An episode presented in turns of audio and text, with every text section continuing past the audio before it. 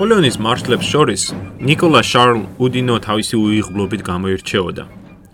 თავზე ხელაღებულად მამაცი, შეუპოვარი და მუდამ საბრძოლველად მომზადებული მარშალი თავისი სამხედრო კარიერის განმავლობაში 36-ჯერ დაიჭრა. ერთ-ერთი ასეთ შემთხვევის შემდეგ იმპერატორმა ნაპოლეონმა პირადად მოინახულა იგი და აღნიშნა: "ყველაზე მამაცი ადამიანის ცხოვრებაშიც კი დგება მომენტი, როდესაც მას შიში იპყრობსო." სირ შეაწყვეტინა უდინომ მე სამაგისტო დრო არასოდეს მქონიაო. ნიკოლა შარლუდინო დაიბადა ბარლედუქში 1767 წლის 25 აპრილს. მამა ლუდის მწარმოებელი იყო. შესაბამისად ოჯახი შედარებით შეძლებულად ცხოვრობდა. თავდაპირველად მამამისი სწორედ ლუდის ბიზნესში ჩაბმას უპირებდა შვილს. მაგრამ იგი მეტად ურჩი ახალგაზრდა გამოდგა და მამის სურვილის საწინამდეგოდ სამხედრო კარიერა აირჩია. 1784 წლის ივნისში სახლიდან გაქცევის შემდეგ ახალგაზრდა უდინო მოხალისე ჩაირიცხა მედოკის ქოით პოლკში. მაგრამ ამ ქვედანაყოფში მსახურება ხანმოკლე აღმოჩნდა, რადგან 1787 წლის აპრილს მამამისის მოთხოვნით იგი სამხედრო სამსახურიდან გარიცხეს. მომდენო 2 წელი უდინო მამის ზედამხედველობის ქვეშ მუშაობდა ლუდის წარმოებაზე.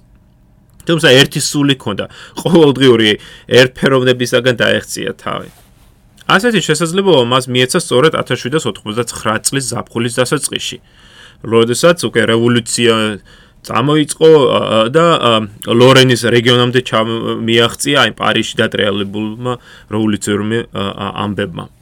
ამ ამბებით აღტკინებულმა ახალგაზრდა უდინომ გადაწყვიტა კლავ მიენებებინა თავის საოჯახო მეურნეობისათვის და 1789 წლის ივლისში, სწორედ იმავე დღეს, 14 ივლისს, როდესაც პარიში ბასტილიის ციხესიმაგრე აიღეს, უდინო თავის მშობლიურ ქალაქში ახლად შექმნილ ცხენოსან ცხენოსან ასეულში ჩაირიცხა და სხვა შორის ეთყობა ძალიან დიდ პატივს წემდნენ მას, ვინაიდან ამ ამ მოხალისეთა ცხენ ასეულში კაპიტანის წოდება მიენიჭეს მას. ამ დრო ზუსტად ამ პერიოდში პერიოდში უდინო ასევე დაქორწინდა ახალგაზრდა გოგონაზე ფრანსუა ფრანსუაზ შარლოტა დერლინზე რომელთანაც 1810 წლამდე ბედნიერად იცხოვრებს კიდეც 1790 წლის ნოემბერში უდინო უკვე მეუზის დეპარტამენტის ეროვნული გვარდიის ლეგიონის მეთაური იყო და უკვე მაიორის ტოფასი წოდება ჰქონდა ხოლო 1791 წლის სექტემბრიდან იგი მეთაურობდა მეუზის მოხალისეთა მეორე და მესამე ბატალიონებს. პირველი კოალიციის ომის დაწყებისას უდინო რაინის არმიაში მსახურობდა. შემდეგ მოზელის არმიის რიგებში იბრძოდა. 1792 წლის ნოემბერში იგი ქალაქ ტიონვილთან იბრძოდა. 93 წლის იანვრიდან კი მეთაურობდა ამ ქალაქის ტიონვილის გარნიზონის ერთ-ერთ ბატალიონს და უკვე ლეიტენანტ პოლკოვნიკის წოდებას ატარებდა.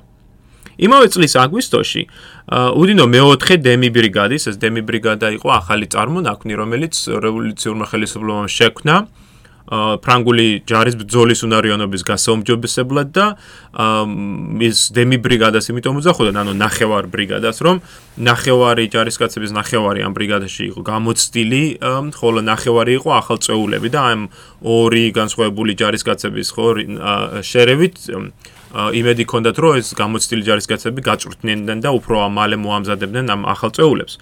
მოკლედ ამ იმავე წლის, ანუ 93 წლის აგვისტოში უდინო მეოთხე დემი ბრიგადაში ჩაირიცხა და სწორედ საბრძოლო ნაფთლობაც მიიღო.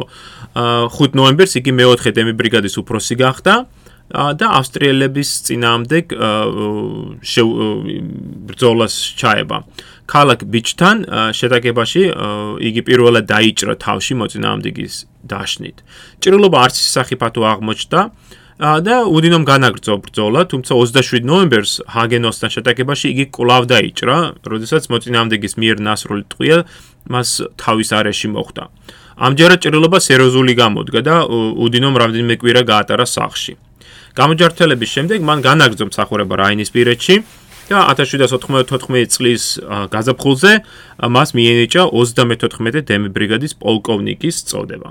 მაისის მიწურულს მან მონაწილეობა მიიღო ავსტრიელთა წინააღმდეგ ახალ შეტევაში და ბრძოლი გაიკაფა გზა კაიზერსლაუსტერსა და მორლაუტერნთან, რისთვისაც 14 ივნისს იგი წარადგინეს ბრიგადის გენერლის წოდებაზე.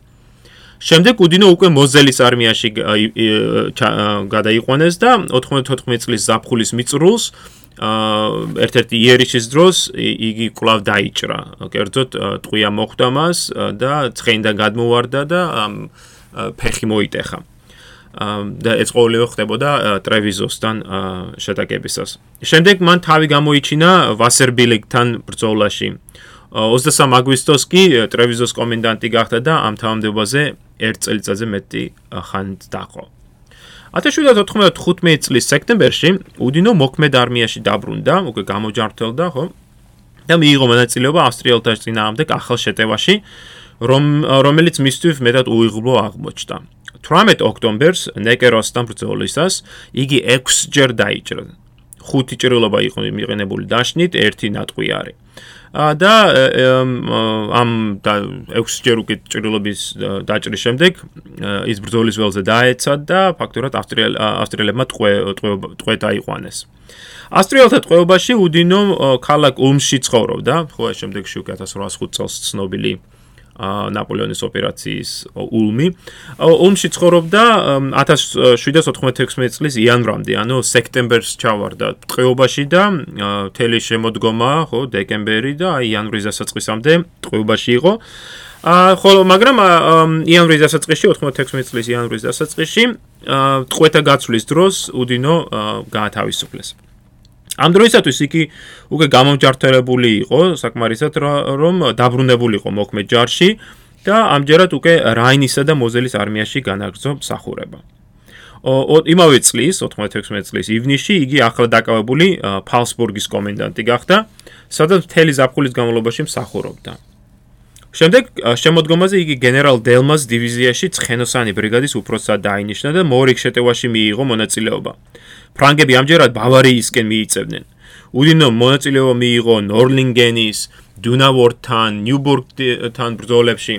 მაგრამ 11-14 სექტემბერს ინგლშტადტთან საბრძოლო მოქმედებების დროს იგი კლავ დაიჭრა ხუთჯერ. ერთხელ და ორჯერ კი არა, ხუთჯერ. აქედან 4 ჭირილობა და ქონდა დაშნით მიყერებული კისრის და მკერდის არეში, ხოლო ერთი იყო ნატყვიარები ბარძაყში. ერთი თვის თავზე გენერალ მოროს უკან დახევისას აა სხვა შორის უდინო კლავ იბრძოლი იბრძვის ანუ ამ ხუთი ჭრილობის შემდეგ ის კლავ განაგრძობს აა ჯარში ყოფნას და ერთი თვის თავზე ბრუნდება რომ ბრძოლაში უშუალო ბრძოლაში მიიღოს მონაწილეობა და აა აი სწორედ ამ ბრძოლა შეტაკებისას მან თავი გამოიჩინა ეტენჰაიმთან და მეხუთე დივიზიაში რომელსაც გენერალი ფოკონეტი მსათაურობდა, გადაიყვანეს ერთ-ერთი ბრიგადის უფროსად. 97 წლის იანვარში უდინო მე-6 დივიზიაში მსახურობს უკვე. იმავე წლის 29 სექტემბრიდან მან გერმანიის არმიის რიგებში განაგრძო ყოფნა და რაინის პირებში განვითარებულ სამხედრო მოქმედებებში მონაწილეობს, რომლის დროსაც მან დაიკავა თავისი ქვედანაყოფებით პალატინატი, ოგერსჰეიმი და გრუნშტატი. ამ დროისათვის გენერალ ნაპოლეონ ბონაპარტის მიერ იტალიაში მიღწეულმა გამარჯვებებმა აიძულა ავსტრია საფრანგეთთან დაზავებაზე და უდინო ამრიგად დაბრუნდა საფრანგეთში. იგი თავდაპირველად ინგლისის წინააღმდეგ მომზადებულ ჩარში ჩარიცხეს, სწორედ ის ჯარია, რომელსაც ნაპოლეონი უნდა ხო ემეთ ნაპოლეონს ნაპოლეონის ჩამდგარი იყო სათავეში და ხო შეჭრილიყო ბრიტანეთში, მაგრამ როგორც ვიცით, ნაპოლეონმა გადაიფიქრა ხო ინგლისში შეჭრაზე და ამიტომ უდინოს ამ ინგლისის არმიაში მსახურება ხანმოკლე აღმოჩნდა. და და მომდევნო რამდენიმე თვე უდინომ სხვადასხვა შენაერთში გაატარა, ჯერ ზემო რაინზე მდებარე კორპუსში, შემდეგ დროებით ჰელვეციაში, დღევანდელ შვეიცარიაში და ბოლოს მაინცის არმიაში გადავიდა.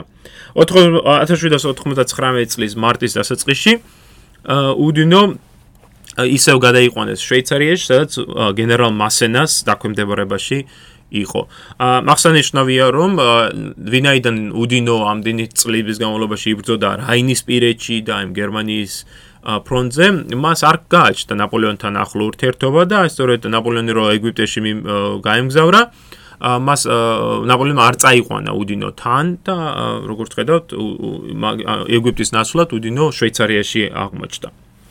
1799 წლის გაზაფხულზე საფრანგეთ მეორე კოალიციის ომში ჩაება. და გაერთიანებული ავსტრიულ-რუსული ჯარის წინააღმდეგ სამხედრო მოქმედებები წამოიწყო. შვეიცარიაში გენერალმა მასენამ დაიწყო კონსტანტი კონსტანციის ტბის ხო გარშემო შეტევა, მაგრამ ავსტრიელთა გამართრებულ წინააღმდეგობას წააწყდა. 99 წლის მარტის დასაწყისში უდინოს მნიშვნელოვანი მისია დაევალა. მას უნდა აიღო ფელდკერხი და ჰელვეციის არმიისათვის გაიხსნა გზა.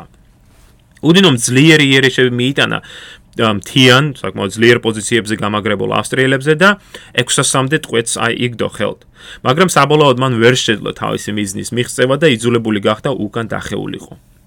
მიუხედავად ამ წარუმატებლობისა, გენერალმა მასენამ ჯეროვნად შეაფასა უდინოს მონდომება და თავდადება და 99 წლის 12 აპრილს უდინოს დივიზიის გენერლის წოდება მიანიჭა და მნიშვნელოვანი ახალი მნიშვნელოვანი დავალებაც ანდო.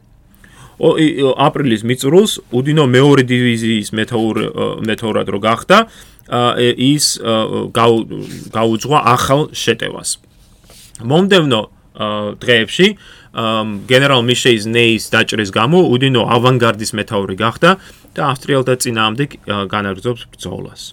4 ივნის ციურიხთან ბრძოლაში უდინო მორიგი ჭრილობა ამჯერად კლავ კერჩი მიიღო. 28 ივნის იგი კლავ მეოთხე დივიზიის უფროსია და ისევ განაგრძობს ბრძოლას ამ ამ რაც უფრო აღსანიშნავია გენერალ სუშეს ავანტყოფობის გამო იგი მასენას ახალი შტაბის უფროსიც უფროსის მოვალეობებსაც კი ასრულებს. ანუ საკმაოდ დატვირთულია და აი ამდენი ჭრილობების მიუხედავად ის მაინც ანაგრძობს სახურობას. აგვისტოში შვიცთან შეტაკებაში უდინო კლავ დაიჭრა ამჯერად ბეჭში. სექტემბერში სამხედრო მოქმედებები შვეიცარიაში განახდა 26 სექტემბერს უდინო ციურიხთან იბრძვის და ალბათ არ გაგიკვირდება თუ ვიტყვი რომ ისევ ჭრილობას განიცდის. ოქტომბერში მან თავი გამოიჩინა ანდელფინგენთან, ხოლო დეკემბერში მასენას გაყვა იტალიაში, სადაც უკვე მისი შტაბის უფროსი იყო. 1800 წლის გაზაფხულზე ავსტრიამ და საფრანგეთმა განაახლეს ომი. იტალიაში მყოფმა უდინომ გენუას დაცვაში მიიღო მონაწილეობა. მაისის ბოლოსათვის გენუაში საკვების მარაგი ამოიწურა. მოსახლეობა შიმშილისგან იხოცებოდა. მალე შავი ჭირის ეპიდემიაც გავრცელდა. 4 ივნისს 60 დღიანი ალყის შემდეგ გენერალი მასენა იძულებული გახდა მიიღო ავსტრიელთა დანებების პირობები. მოლაპარაკებისას ორივე მხარე დათანხმდა, რომ ფრანგული არმია დატოვებდა გენუას და სრული სამხედრო პატივით, ხო, იარაღის შენარჩუნებით და თავის დროშებით დაბრუნდებოდა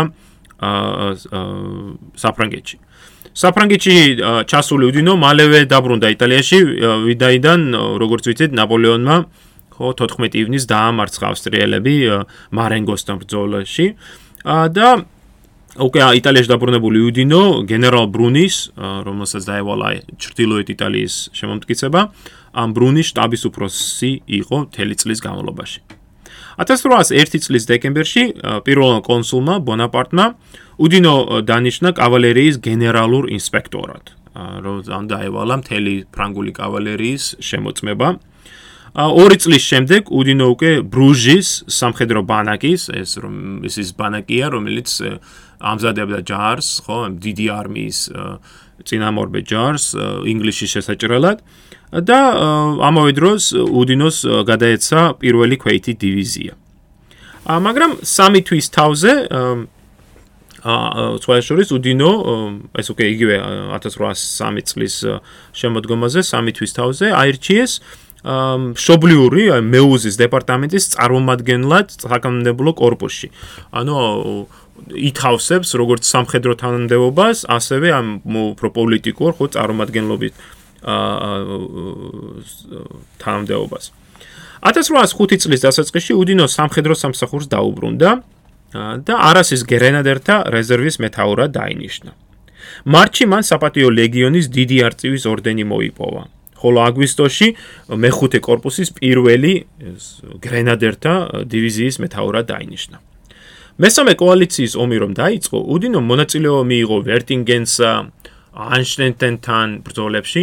შემდეგ თავი გამოიჩინა ვენის დაკავებაში, მსმენელს შევახსენებ, რომ სწორედ ეს მომენტი არის, როდესაც აი გენერალი ლანი და უბრალოდ მარშალი ლანი და მიურატი ხო თავისი ხრიკით წარმატებულად მოატყუებენ ავსტრიელებს ხელჩაიგდებენ თაბორის ხიდს და სწორედ ამ თაბორის ხიდთან სწორედ უდინოს გერანადერები არიან რომ შეძლებენ აი ამ ხიდის შემომტკიცებას. მაგრამ შემდეგ უდინომ უდინომ ძიმე დაიჭრა ბარძახში ჰოლაბრუნთან ბრძოლაში სადაც მარშალები ლანი და მიურატი ხო დაუპირისპირდნენ გენერალ პეტრე ბაგრატიონის შენაერთს. რის ამის შემდეგ ნაპოლეონმა აიძულა უდინო და გამგზავრებულიყო ვენაში გამოსაჯართალებლად იმპერატორის ბრძანების მიუხედავად უდინომ ავსტრიულ დედაქალაქში მხოლოდ 2 კვირა გაატარა და დიდ არმიას დაუბრუნდა მიუხედავად იმისა რომ თლად არ იყო გამორჯართელებული. ის დაბრუნდა სწორედ დროულად ვინაიდან ავსტრალიცთან ბრძოლაშიც მიიღო მონაწილეობა. თუმცა მასში აი ეს აქტიური მონაწილეობა არ მიუღია ანუ იყო ბრძოლის ველზე მაგრამ ნაპოლეონმა მაინც თადარიქში დატოვა უდინო ამ ბრძოლის დროს ბრძოლის შემდეგ უდინო სამშობლოში გაემგზავრა და რამდენიმე კვირიანი დასვენების შემდეგ კვლავ დაუბრუნდა სამსახურს 1806 წლის მარტში ნაპოლეონმა მას დაავალა ნევშატელის სათავადოს დაკავება, რაც უდინომ წარმატებით შეასრულა. იმავე წლის სექტემბერში უდინო უკვე დიდი არმია დიდი არმიას დაუბრუნდა და თავდაპირველად არმიის რეზერვში მსახურობდა. მან მონაწილეობა მიიღო პრუსიის წინამდე ომში, აი იმავე წლის ხო შემოდგომაზე. იენას და გადამწყვეტ ბრძოლაში კი მისი გრენადერები რეზერვში იყვნენ. ნოემბერში ნაპოლეონმა იგი ბერლინში გაგზავნა ქალაქში წესრიგის აღსადგენად.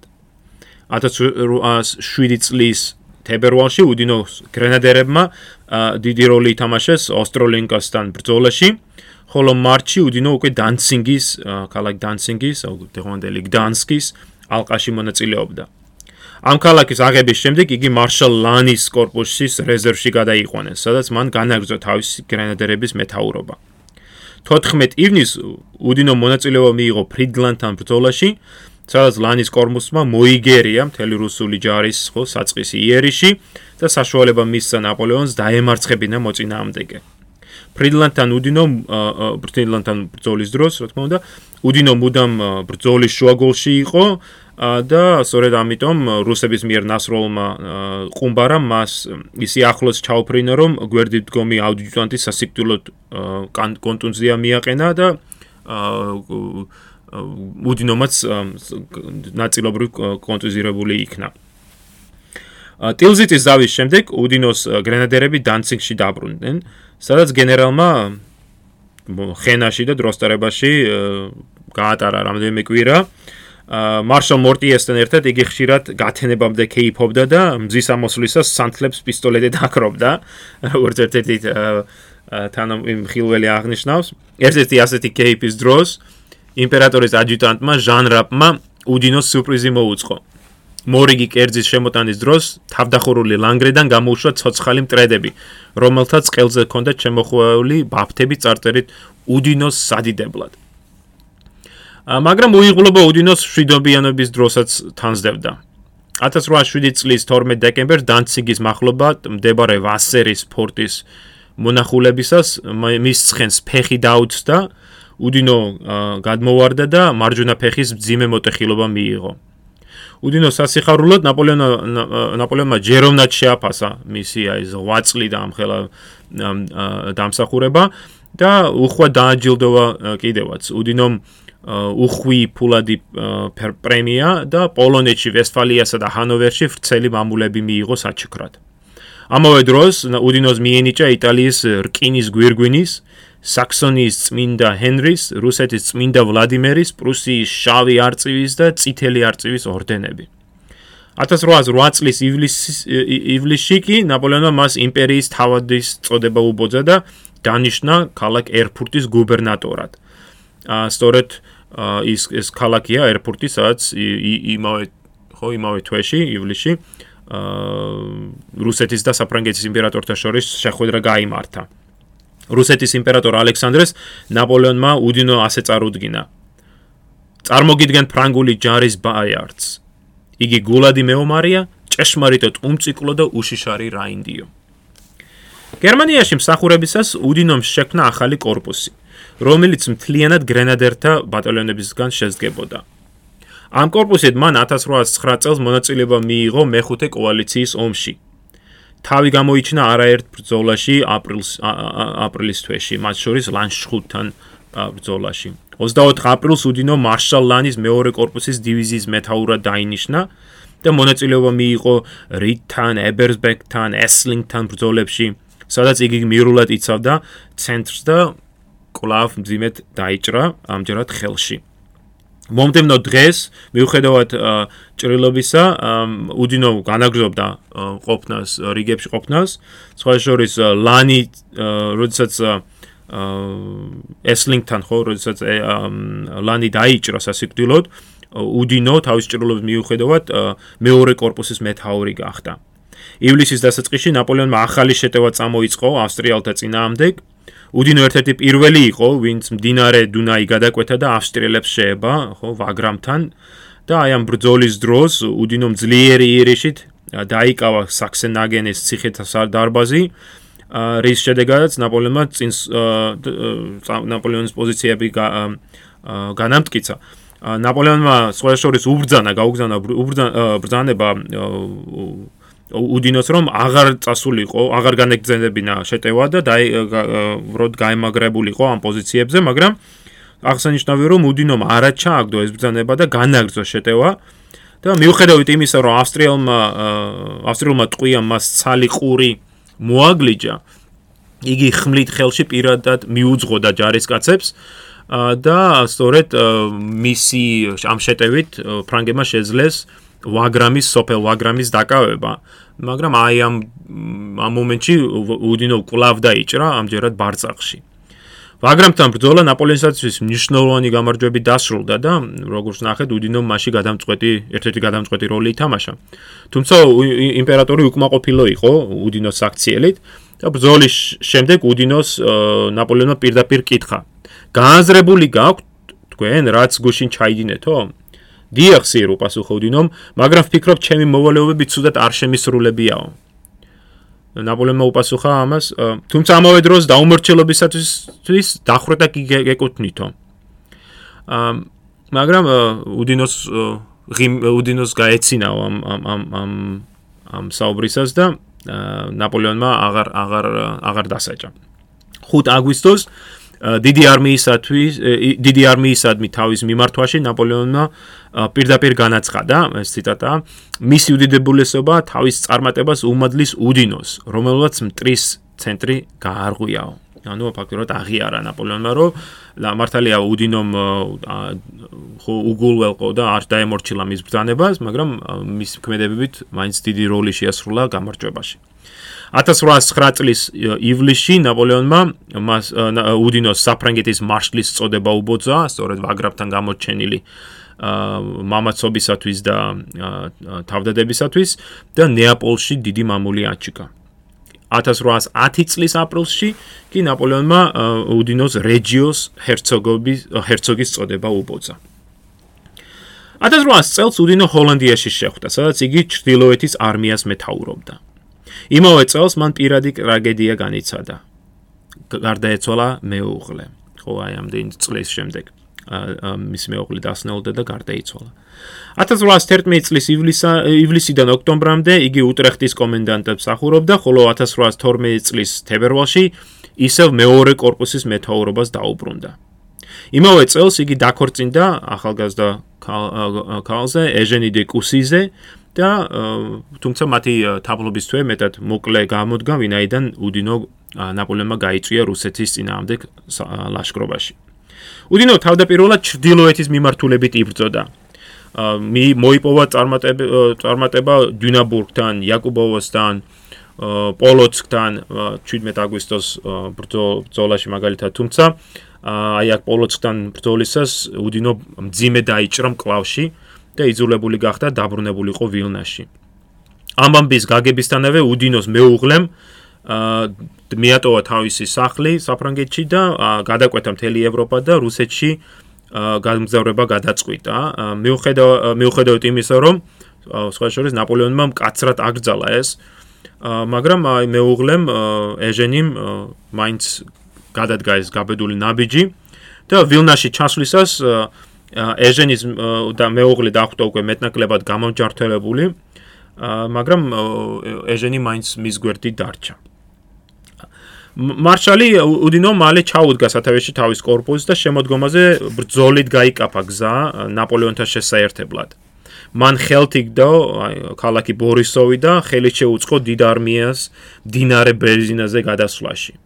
სწორედ ამ ბრძოლაში ბერეზინაზე ხო 26-27 ნოემბერს იგი გმირულად იცავდა ფრანგულ მარჯვენა ფლანგს და რომლის დროსაც უკვე ალბათ წესისამებრ შეიძლება ითქვას იგი კვლავ დაიჭრა. მომდევნო დღეს 28 28-29 ნოემბერს ბერეზინიდან უკან დახევისას დაჭრილი მარშალი ერთ-ერთ სოფელში ერთ-ერთ ერთ-ერთ სოფელში იყო პატარა ქოხში დროებით გაჩერებული ისვენებდა, როდესაც მოულოდნელად კაზაკთა თავდასხმის ქვეშ მოიქცა. და ამ თავისი ჭრილობების მიუხედავად უდინო თავის ოფიცრებთან ერთად ერთ-ერთ ამ სახში იქნენ გამოიკეტნენ და რუსების განუწყვეტელ თავდასხმებს იგერიებდა. თუმცა კლავ დაიჭრა. საბედნიეროდ უდინოსთვის საბედნიეროდ მან შეძლო რუსეთიდან გაღწევა და უკვე დეკემბრისათვის გადალახა ნემანის მდინარე ნემანი და ჩავიდა გერმანიაში. მან მას რამდენიმე მხოლოდ რამდენიმე თვე ჰქონდა დაახლოებით იანვრიდან მარტის ბოლომდე რომ გამომჯართელებულიყო და დაბდგოლიყო ფეხზე და შემდეგ ის კვლავ უბრუნდება სამხედრო ასპარეზს. აპრილში ნაპოლეონმა უდინო დანიშნა მე-12 корпуსის მეთაურად და ამ ამ корпуსთან ერთად უდინომ თავი გამოიჩინა ბაუცენთან, ჰაუსვერკსსა და ლუკაუსთან ბრძოლებში. აგვისტოში ნაპოლეონმა უდინოს უკვე უფრო დიდი შენაერთი ჩააბარა, არა მარტო ერთი корпуსი, არამედ корпуსების დაჯგუფება, რომელშიც შედიოდა მე-4, მე-7 და მე-12 корпуსები. და ეს ეს საარმიო შენაერთი ხო? და მას მეტად მნიშვნელოვანი მისია კერძოდ გერმანია პრუსიის უბრალოდ პრუსიის დედაქალაქის ბერლინის დაკავება დაავალა. მაგრამ უდინომა ეს მისია ვერ შეასრულა წარმატებით რადგან გროსბერნთან 23 აგვისტოს მან განიცადა მძიმე დამარცხება. ნაპოლეონმა მას ახალგაზრდა გვარდიის ორი დივიზიის უფროსობა ჩააბარა ამ დამარცხების შემდეგ. ანუ კლავ ანუ აღშკარაა რომ ამ დამარცხების მიუხედავად ნაპოლეონი მაინც ჯერა უდინოსი და ხო მაქვს აა რწმენა რომ უდინო გაამართლებს ამ დობას. და მოკლედ ამ ორი გვარდიის ორი დივიზიის გვარდიის დივიზიის უპროსობა ჩააბარა. და სწორედ აი ამ თანამდებობაზე ამ გვარდიის დივიზიებთან ერთად უდინომ იბრძოლა გადამწყვეტ ბრძოლაში ლაიფციგთან 16-19 ოქტომბერს სადაც როგორც ვიცით ნაპოლეონი დამარცხდა უკან დახევისას, როდესაც ნაპოლეონი უკან დაბრუნდა საფრანგეთში, უდინომ განაგრძო მოკავშირეთა წინააღმდეგ ბრძოლას და აკვლავ მეთაურობს დივიზიებს და მაგრამ აი 29 იანვარს 1814 წლის იანვრის ბოლოს იგი მძიმე დაიჭრა ბრიენთან ბრძოლაში. მას არ დასწალდა გამომჯართელება 10 დღის შემდეგ ნაპოლეონმა მას უკვე მე-7 корпуსი ჩააბარა და შამპანიის რეგიონის დაცვა დაავალა.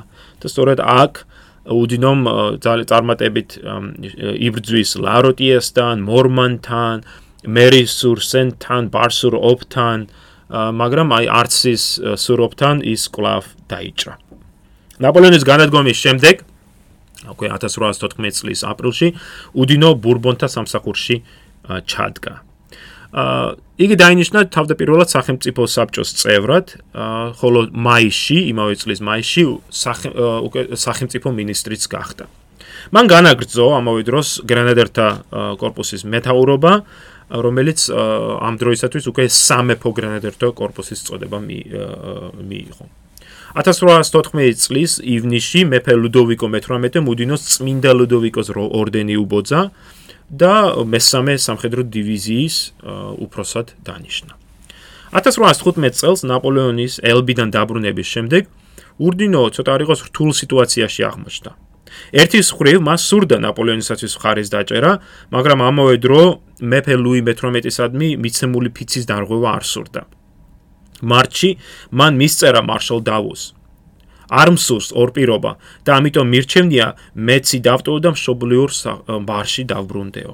და სწორედ ამ ამრიგად ფაქტურად უდინომ თავი არის და როგორც ბურბონთა ხელისუფლებისათვის ღალატისათვის, ასევე ნაპოლეონის წინამდებ ბრძოლისათვის. წმინდა ელენეს კონძულზე ყოფნისას ნაპოლეონი აღნიშნავდა, რომ უდინოს მეუღლემ ეჟენიმ დიდი როლი ითამაშა მართვის ამ გადაწყვეტილებაშიო. ვინც ის როგორც წარიმართებოდა ვატერლოოს კამპანია, უდინოსნაირი ის გამოცდილი ხო შემართებული მქონი გენერალი რომ ყოფილიყო იქ. ბურბონთა მეორე რესტავრაციის დროს მეფე ლუი მე-18-ემ უხვა დააჯილდოვა უდინო ამ ერთგულებისათვის, ასე რომ ვთქვა. მარშალი ჯერ საფრანგეთის პერი გახდა, შემდეგ სამეფო გვარდიის გენერალ-მაიორი, მეფის საიდუმლო საბჭოს წევრი და პარიზის ეროვნული გვარდიის გენერალ გენერალი.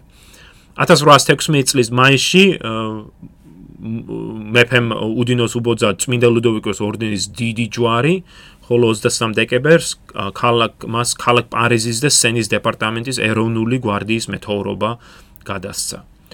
ამრიგად უდინო ხო ამ ბურბონდა რესტავრაციის დროს ერთ-ერთი ყველა წამყვან სამხედრო პირი გახდა. 1823 წელს ესპანეთში რევოლუციის ჩასაკრობად გაგზავნილი იქნა ფრანგული ჯარი და უდინო სწორედ მაშინ მონაწილეობას ღებულობს, ის მეთაურობს პირველ корпуს და როდესაც რევოლუცია დამარცხებული იქნა, სხვა შორის გარკვეულ პერიოდის განმავლობაში უდინო მსახურობს მადრიდის გუბერნატორად და ახალი კასტილიის, ესტრამადურის, სეგოვიის, ლეონის, სალამანკას, ვალოდოლიდის და სხვა რეგიონების გამგებლად, ანუ საკმაოდ დიდი ხელისუფლებას ფლობს ესპანეთში. და აი ამ ამ ესპანური სამეფო ხელისუფლების აღდგენისათვის მას შემდგომში გადაეცა ესპანური სამეფო ჯილდოები. 1830 წლის რევოლუციის შემდეგ უდინომ ხარი დაუჭირა ლუი ფილიპეს ხელისუფლებას და განაგრძო ამ სამხედრო სამსახური 1839 წლის გაზაფხულზე იგი საპატიო ლეგიონის დიდი კანცლერის თანამდებობაზე დაინიშნა. მან 3 წლის განმავლობაში მსახურობდა ამ თანამდებობაზე, ხოლო 1842 წლის შემოდგომაზე იგი გახდა ინვალიდების სასახლის გუბერნატორი. სწორედ ის სასახლეა, სადაც ხომ ნაპოლეონის ცხედარს დაასვენებენ სულ ცოტა ხანში. უბრალოდ ცხედარი დაბრუნდა 51 წლის, ხო, ადრეულ გაზაფხულზე, 40 წლის დეკემბერში, 51 წლის იანვარში. და ხოლო უდინო დაინიშნა აი 42 წლის 42 წელს. და აი ამ თანამდებობაზე მან 5 წელი იმსახურა და 1857 წლის 13 ოქტომბერს ინვალიდების სახლის მონახულებისას იგი მოულოდნელად გარდაიცვალა.